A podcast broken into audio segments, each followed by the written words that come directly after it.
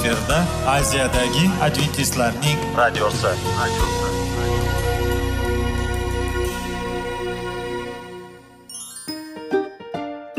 Assalomu alaykum aziz radio tinglovchilar. Sog'liq daqiqasi rubrikasiga xush kelibsiz. Zero tananing sog'lom bo'lishi va uning kasalliklardan saqlash har bir insonning burchi hisoblanadi. Inson uchun bebaho boylik bu sog'liq salomatlikdir. Uni asrash esa har birimizga omonat qilib berilgan. Shuning uchun ham inson o'z sog'lig'ini ehtiyot qilishi voajib amallardan hisoblanadi. Dono xalqimiz sog'liq tuman boylik deb bejiz aytmagan. Aql idroq sohibi bo'lgan inson o'z hayotini qadrlashi lozim bo'ladi. Hozirgi kunda qanchalik dori darmonlar ko'paymasin tibbiy muassa sifati shifokorlar vasiyasi tibbiy texnika yaxshilanmasin. Agar insonning o'z salomatligi haqida qayg'urmasa kutilgan natijaga erishib bo'lmaydi va biz sizlarga bizning dasturimizga xush kelibsiz deymiz.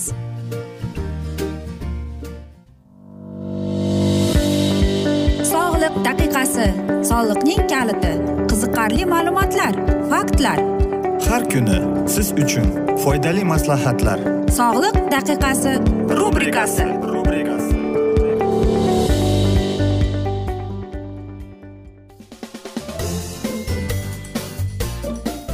assalomu alaykum aziz radio tinglovchilar. Dasturimizga xush kelibsiz.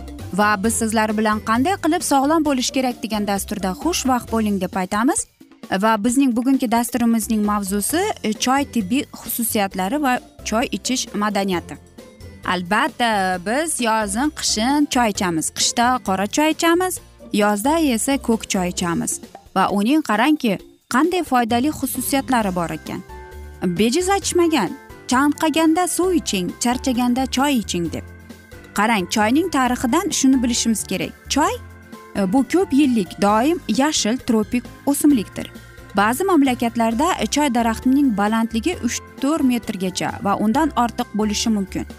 Choy daraxti xitoyda oltinchi asrdan yaponiya koreyada o'ninchi asrdan indoneziyadan esa o'n birinchi asrdan hindiston va shri lankada esa bir ming sakkiz yuz o'ttizinchi yillardan gruziyada e, bir ming sakkiz yuz qirqinchi yillardan rossiyada ya'ni krasnodar o'lkasida bir ming to'qqiz yuz birinchi yildan ozarbayjonda bir ming to'qqiz yuz o'ninchi yillardan boshlab o'stiriladi deyiladi.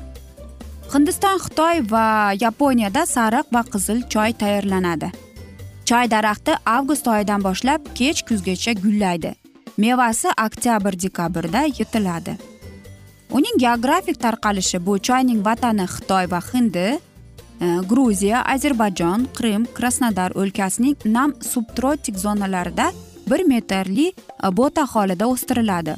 Qo'llaniladigan qismi asosan bargi choy bargi yiliga bir necha marta yig'iladi va maxsus texnologiya bo'yicha ishlab tayyorlanadi kofein va boshqa alkaloidlar ham katexinlar choyni ishlash jarayonida ajralgan chiqindisidan olinadi deb aytiladi.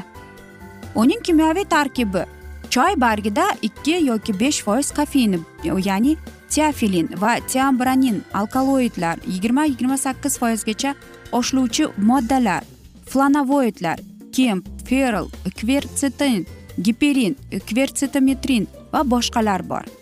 Vitamin c b bir b olti vitaminlari nikotin pantenon kislotalar efir moyi va boshqa birikmalar bor. Choy ishlab chiqarish sanoati e, chiqindisidan kofein va ushlovchi moddalar choy ta'nini oladi. Kofein markaziy nerv sistemasini qo'zg'atuvchi ta'siriga ega. U tabletka va eritma holida hamda turli kompleks preparatlar tarkibida chiqariladi. Yuqumli va boshqa og'ir kasalliklardan so'ng yurak nafas olish faoliyati susayishda qon aylanishning chuqur buzilishlarida qon tomirlar kasallanganda nerv sistemasi charchaganda bosh og'riqda narkotiklar bilan zaharlanganda va boshqa kasalliklarda organizmning umumiy tonusini ko'taruvchi vosita sifatida qo'llaniladi. Choyni achchiq damlab e, ichaverish qabziyatga olib keladi.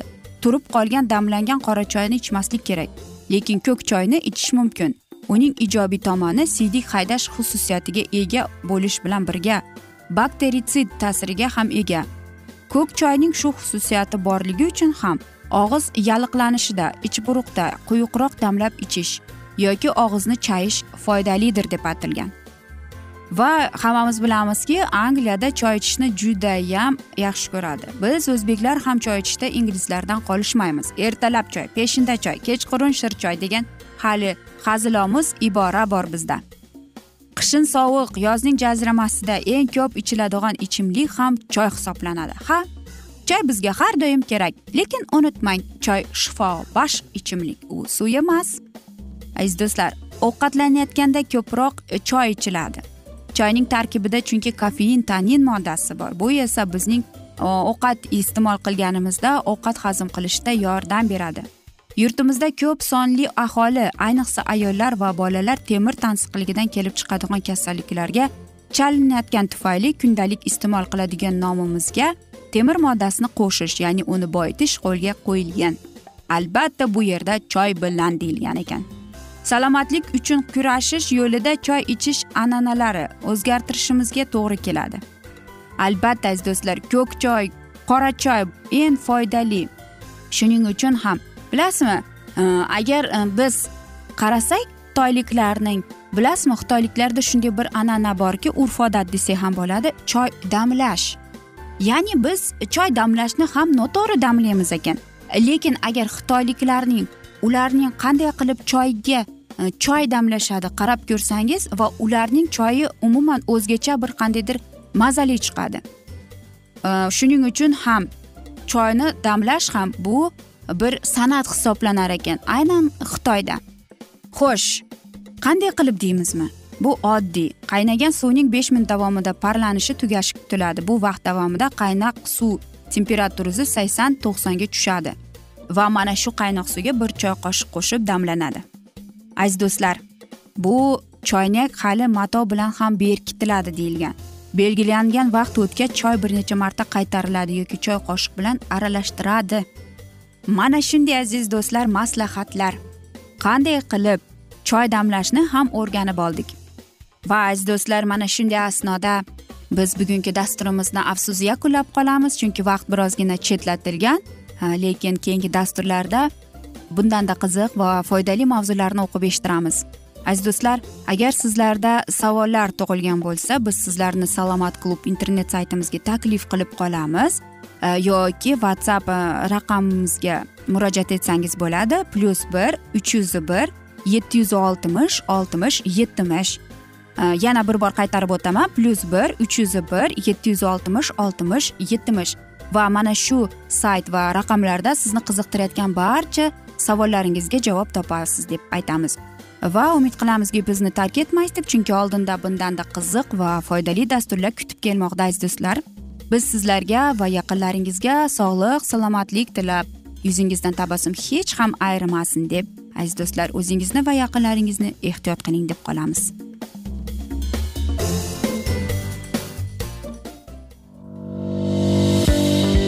Sog'liq daqiqasi soliqning kaliti. Qiziqarli ma'lumotlar faktlar. Har kuni siz uchun foydali maslahatlar. Sog'liq daqiqasi rubrikasi.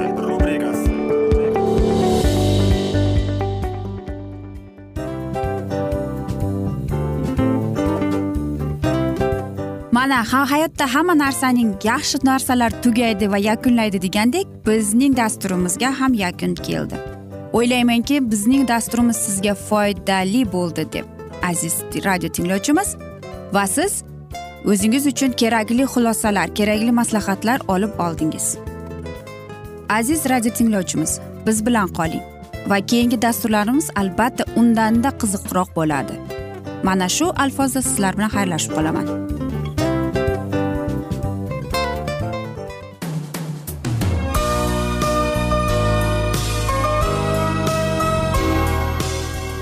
Efirda aziyadagi adventistlarning radiosi.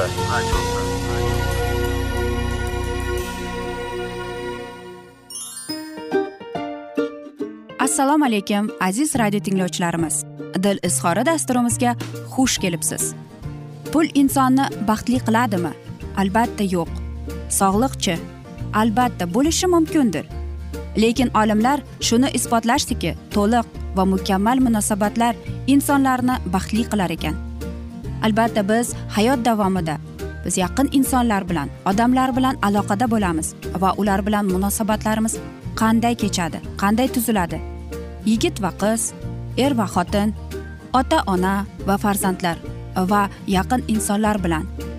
Balkim hozirgi vaqtda kimnidir hayoti yoki munosabatlari buzilyapti.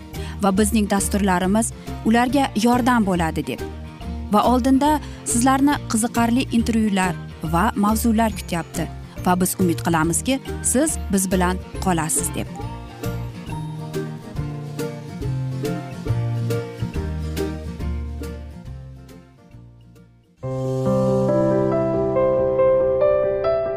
Har kuni har xil kasbdagi odamlar bilan sirlashish va bo'lishish sevgi rashq munosabat. Bularni hammasi dil izhori rubrikasida.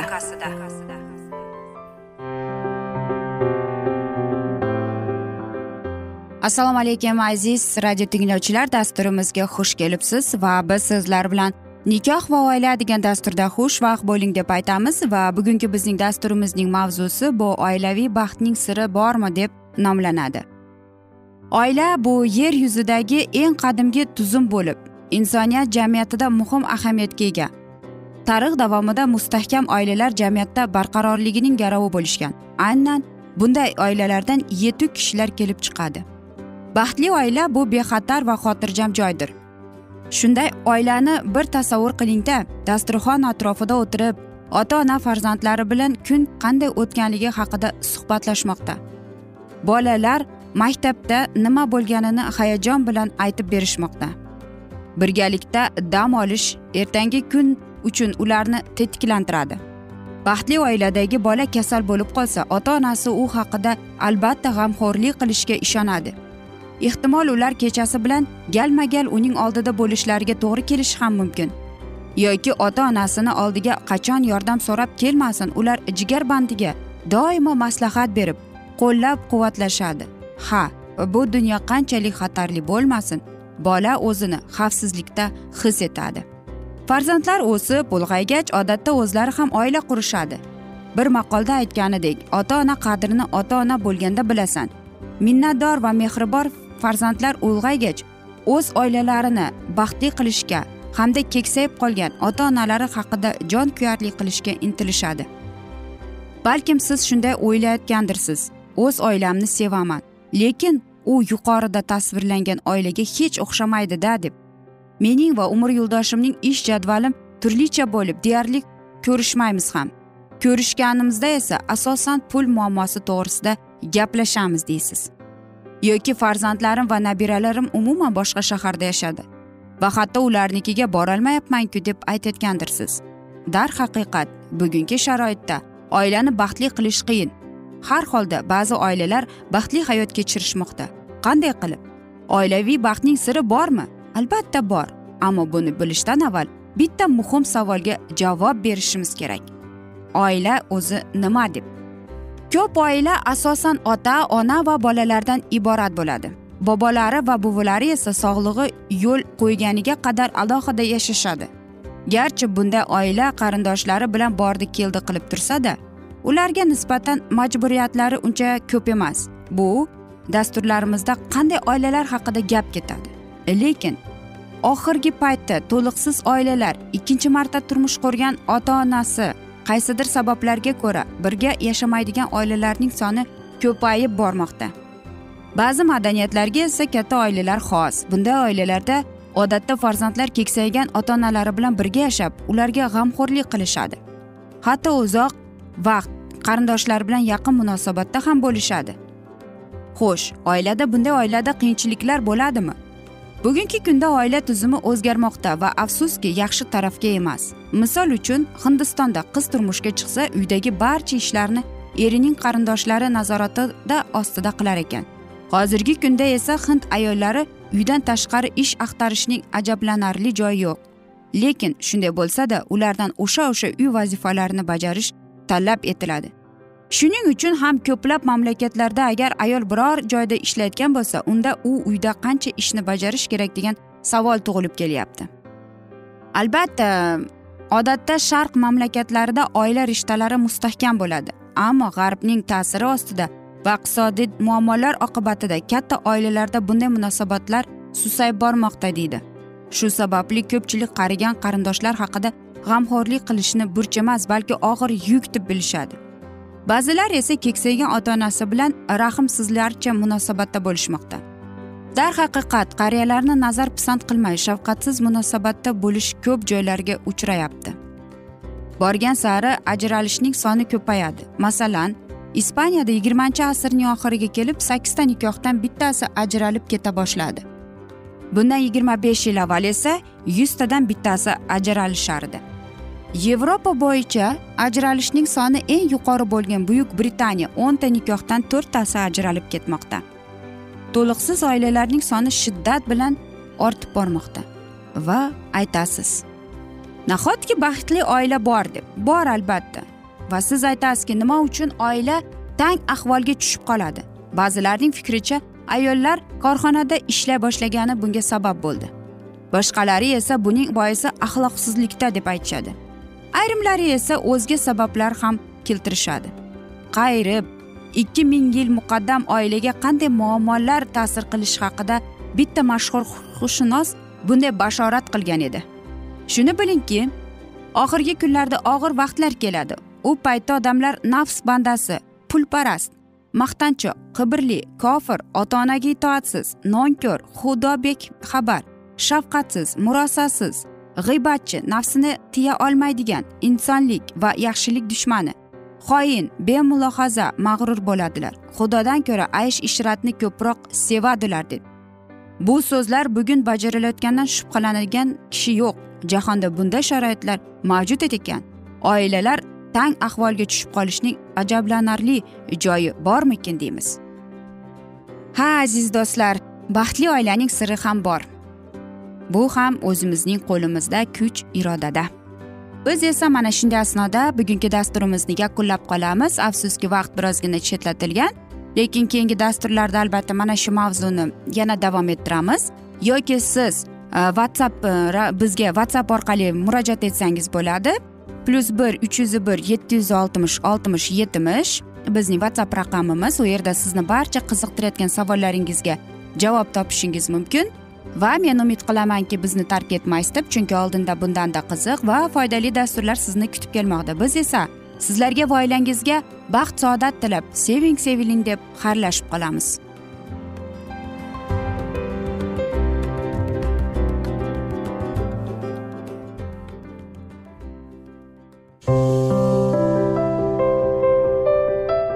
Har kuni har xil kasbdagi odamlar bilan sirlashish va bo'lishish sevgi rashq munosabat bularni hammasi dil izhori rubrikasida. Mana aziz radio tinglovchimiz bizning go'zal va foydali va chiroyli dasturimiz yakunlanib bormoqda. Sizlarga birozgina maslahat berib o'tmoqchi edik. Bir biringizni seving qadringizga yeting va erkalang albatta bir biringizni va sizga judayam chiroyli va mustahkam munosabatlar tilab qolamiz albatta. Sevgilingiz doimo yoningizda bo'lsin. Mana shu borada sizlar bilan xayrlashib qolamiz. Xayr.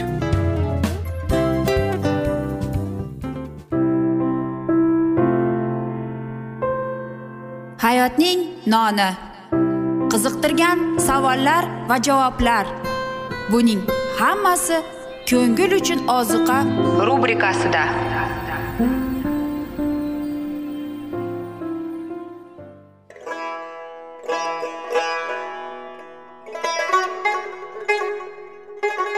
Assalomu alaykum aziz radio tinglovchilarimiz. Ko'ngil uchun ozuqa rubrikasida xush kelibsiz deymiz. Siz haqiqatni izlayapsizmi? Olamnimi umidnimi siz kimga murojaat qilmoqchisiz? Odamlar ko'pincha siyosat kuchiga tayanadilar. Dunyo iqtisodiyoti holati tobora chuqurlashib bormoqda. Tabiiy ofatlar va texnogen halokatlar minglab insonlarning hayotini olib ketib juda katta zarar yetkazmoqda. Sizga abadiy hayot inomini hadya qiluvchi va hayotingizni tubdan o'zgartiruvchi haqiqatni izlab toping. Xudo haqidagi haqiqat uning kalomida mujassamlashgan. Kimki bu haqiqatni butun qalbi bilan izlasa albatta unga yetishadi. Bu sevgi xudoning tarixidir.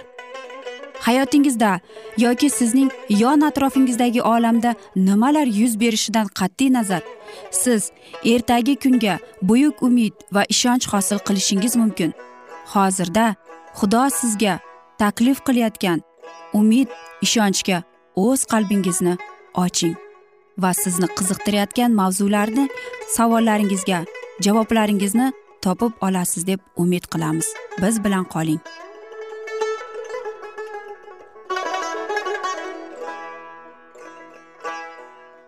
Assalomu alaykum aziz radio tinglovchilar. Dasturimizga xush kelibsiz va biz sizlar bilan ulug' otalar va payg'ambarlar degan dasturda xushvaqt bo'ling deb aytamiz. Va bugungi bizning dasturimizning mavzusi sadumning nobud bo'lishi deb nomlanadi va biz sizlar bilan o'tgan galgi dasturni yana davom ettiramiz. Alangali bo'ron boshlanishiga vaqt qolmay. Faqat xudovand tabiiy kuchlarni tutib turardi. Qochqinlardan biri o'jarligida mahkum bo'lgan shaharga burilib nazar tashladi. Va ilohiy hukmining haykaliga aylandi. Agar lut o'z tebranmasdan farishtaning so'ziga ko'nib so'zsiz bag'ishlamay chaqqonlik bilan toqqa chopganda edi balki xotini omon qolardi. Balki uning tartibligi xotinining taqdirini belgilagan gunohdan qutqargan bo'lardi.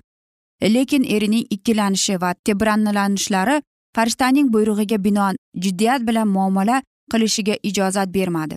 Shaharni qoldirib chiqsa ham xotinining yuragi shaharda qoldi va uning bilan birga u halok bo'ldi. U xudoga qarshi isyon ko'tardi va hayotidan mahrum bo'ldi. Xudoning inoyati tufayli betafiq shahardan qutulib chiqib u ko'p yillar mobaynida yetishgan boyligini yo'qotganida xudoni aybdor deb bilardi. Xalos bo'lishni minnatdorchilik ila tan olishini o'rniga ilohiy ogohlantirishni tark etganlarning taqdiriga achinib beboshlikcha orqaga aylandi. Uning gunohi shundaki u najot topgani uchun butun qalbidan xudoga minnatdor bo'lmadi va hayot surish uchun sazovor deb topilmadi. Bizlarni qutqarish uchun xudoning ogohlantiradigan choralariga biz andisha bilan yengiltakligimiz e, muomala qilishimiz kerak. Shunday imonlari borki ular agarda hayotimning do'sti yoki farzandlarim men bilan birgalikda najot topsalar menga ozodlik keragi yo'q deydilar. Osmonga menga qadrligim bo'lmasa osmon men uchun osmon ham emas deb sanaydilar ular. Shunday o'ylaydiganlar xudoga nisbatan shaxsiy muomalasiga va uning shafqatli g'amxo'rligi to'g'risi tasavvur etmoqqa egalarmi? Ijodkorimiz va xaloskorimiz xizmatlarida sevgi izzat va sadoqat hammaga e, murojaat qilmoqda. Rahm shafqatli ovoz va bizning yaqinlarimiz ularni o'ziga jalb qilayotgan najotkorimizni sevgisini tark etsalar nahotki biz ham rad eshitish javobini zarurmi? Jonni qo'lga kiritish bahosi juda qimmat. Bizning najotimiz uchun masih o'lchab bo'lmaydigan bahoni to'ladi shu qurbonning va inson joni afzalligining qadriga yetgan har bir odam boshqalarning rad etish harakatiga munosib ilohiy iltifoni tark etmaydilar. Aksincha agar kimdir uning haqqoniy talablarini tan olmasa biz o'z tomonlarimizdan butun qalbimiz va hayot tarzimiz bilan yanada kattaroq ishtiyoq bilan xudovandimizni olqishlarimiz kerak. Ta'sirimiz bo'lganlariga esa uning sevgisini tan olishlariga yordam berishimiz kerak. Mamlakat o'zra kun yorishganda lut so'raga yetib bordi. Erta tong nurlari tinchlik evazi bo'lib uvaning hamma shaharlariga farovonlik olib kelganday tuyulardi. Ko'chalarida oddiycha vasvasa boshlandi. Har biri o'z ishi bilan band edi. Kimdir xizmatiga shoshilar kimdir shodiyonalikka kun o'tkazishga tayyordir. Lutning kuyovlari haligacha aqldan toygan cholning ogohlantirishdan va qo'rquvdan kulardilar. To'satdan kutmaganda ochiq osmonda momaqaldiroq gumburlagandek dovul boshlandi. Xudovand sadum va g'amfumura ustiga osmondan o'z huzuridan olovli oltin gugurt yog'dirdi. Saroylar ma'batlar boy uylar bog'u uzumlar o'tgan kechasi samoviy elchilarni masxara qilgan beparvo olomon hammasi olovdan nobud bo'ldi. Katta o'choqdan kichkinanday tutun osmonga ko'tarilardi. Ajoyib go'zal bo'lgan sadum uvaysdagi cho'lga aylandi va endigina o'z holatiga qaytmasdi. Shuning bilan qolgan avlodlar uchun ilohiy qonunni buzgan sababli uning hukmining muqarrarli shohidi bo'ldi qoldi. Uvaydagi shaharlarni halok qilgan alanga bizlarning kunlarimizda ogohlantiradigan yong'inlar orqali o'zini namoyon qilmoqdalar. Bo'lib o'tgan hodisada bizlar uchun jiddiy va tantanali dars bor. Xudo gunohkorlarga nisbatan uzoq chidamli bo'lishiga qaramay odamlar gunoh qilishlariga bosib o'tib bo'lmaydigan me'yor bor. Odamlar shu me'yorga yetganlarida xudoning inoyati olinadi va yer yuzida uning hukmlari qo'zg'olanadi dunyo xaloskorning aytgan so'zlariga muvofiq sadum va g'avmura gunohlari uchun halok bo'ldilar. Lekin hozirgi vaqtda jamiyatda og'irroq gunohlar o'rin topgan. Gunohlarni tavbaga da'vat etadigan xushxabarning ovozini eshitib uni tan olmaganlar xudo oldida sadum uvadasining istiqomatchilaridan ko'proq fosh qilinadilar. Xudoni bilib uning ahdlariga rioya qilib lekin o'z tabiati va hayot tarzi bilan masihdan topganlar yanada og'irroq hukmni o'z ustalariga jalb etadilar. Najotkorimiz bergan ogohlik nurida sadumning taqdiri faqat ildizlangan gunohkorlargina ogohlantirish uchun tayinlanmagan. Osmondan yuborilgan yorug'liqqa yengiltalik bilan muomala qilganga ham tegishli. Ishonchli shohid efes shahridagi jamoatida murojaat qilib deydi faqat sen biz bir e'tirozim borki sen ilk muhabbatingni ayniding endi qanchalik tanazzulga tushganingni esla tavba qil va avvalgi ishlaringni qilib yur. Aks holda tavba qilmasang ko'ksidagi sening yoningga kelib shamdoningni joyingdan siljitaman. Mana shunday aziz do'stlar bizga bo'lgan ajoyib so'zlar bo'ldi. Biz esa afsuski bugungi dasturimizni yakunlab qolamiz chunki vaqt birozgina chetlatilgan. Lekin keyingi dasturlarda albatta mana shu mavzuni yana o'qib eshittiramiz. Va sizlarda savollar tug'ilgan bo'lsa biz sizlarni adventis tochka ru internet saytimizga taklif qilib qolamiz. Yoki plyus bir uch yuz bir yetti yuz oltmish oltmish yetmish e, plyus bir yetti yuz oltmish oltmish yetmish bizning whatsapp raqamimiz murojaat etsangiz bo'ladi. Va umid qilamanki bizni tark etmaysiz deb chunki oldinda bundanda qiziq va foydali dasturlar kutib kelmoqda. Va biz sizlarga iymon sog'lik salomatlik tilab xayrlashib qolamiz.